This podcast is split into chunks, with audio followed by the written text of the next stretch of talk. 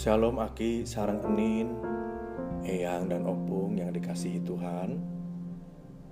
Pada kesempatan Sapa Lansia kali ini Kita bersama-sama merenungkan Injil Markus pasal 8 ayat 34 sampai dengan 38 Begini bunyinya.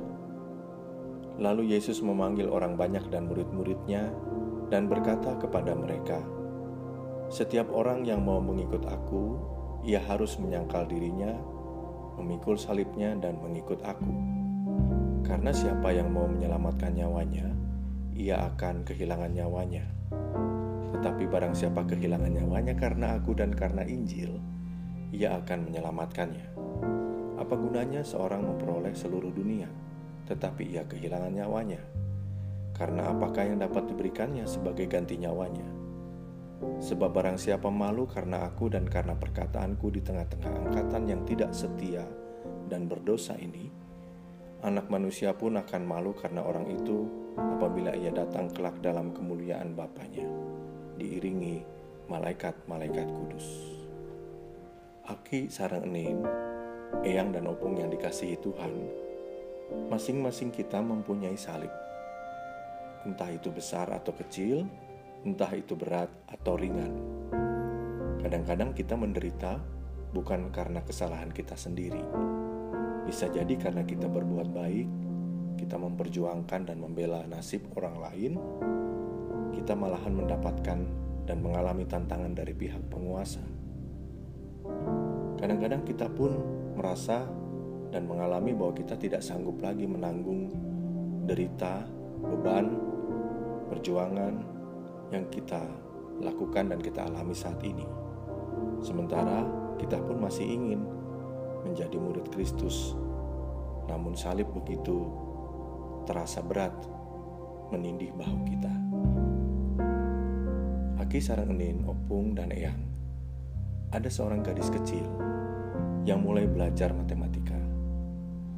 Dia menyukai pelajaran itu dan pikirannya terkuasai oleh berbagai tanda semisal tanda plus, tanda minus, tanda pembagi, tanda kali, dan sebagainya. Gadis itu suatu pagi diajak oleh ayahnya pergi ke gereja, dan dia melihat salib kecil di atas altar. Lalu dia berbisik kepada bapaknya, "Pak, untuk apa tanda plus di atas altar itu?" Gadis itu sedikit bingung melihat tanda plus sendirian di atas altar. Namun, dalam pengertian yang mendalam, gadis itu sebenarnya benar. Salib adalah tanda plus. Penebusan yang disimbolkan dengan salib telah memberikan sebuah tanda plus yang besar ke dalam hidup kita. Salib adalah tanda plus yang besar karena salib menyimbolkan apa yang telah diperbuat Yesus bagi kita. Tuhan Yesus mengidentifikasikan diri dengan yang tersingkir, yang tertindas, dan yang terlupakan. Kalau sikap Yesus demikian, seharusnya begitu juga sikap para murid-muridnya. Identifikasi diri dengan yang tersingkir dan berbagi hidup dengan mereka merupakan cara hidup yang injili. Yesus telah menghampakan diri menjadi seorang hamba, seorang hamba yang mati tergantung di salib. Namun Allah memuliakan dia. Kerendahan dan ketaatan Yesus merupakan prasyarat bagi kemuliaan yang kemudian dia terima dari Bapa. Dan kita mendapat tambahan hidup abadi berkat salib suci. Sebagaimana Musa meninggikan ular di padang gurun, demikian juga anak manusia harus ditinggikan sehingga barang siapa yang percaya kepadanya memperoleh hidup abadi. Aki sarang enin, opung dan eyang yang dikasihi Tuhan, memuliakan salib tidak berarti bahwa setiap hari kita harus mencium salib melainkan bahwa kita harus memikul salib dan mengakui bahwa penderitaan adalah bagian dari konsekuensi mengikuti Yesus. Tentu, tugas ini tidak mudah. Diperlukan komitmen dan rahmat Allah yang memampukan kita semua. Mari kita berdoa. Ya Tuhan, Engkau telah menambahkan kekuatan anugerah karunia kepada kami yang telah sedia untuk mengikutmu.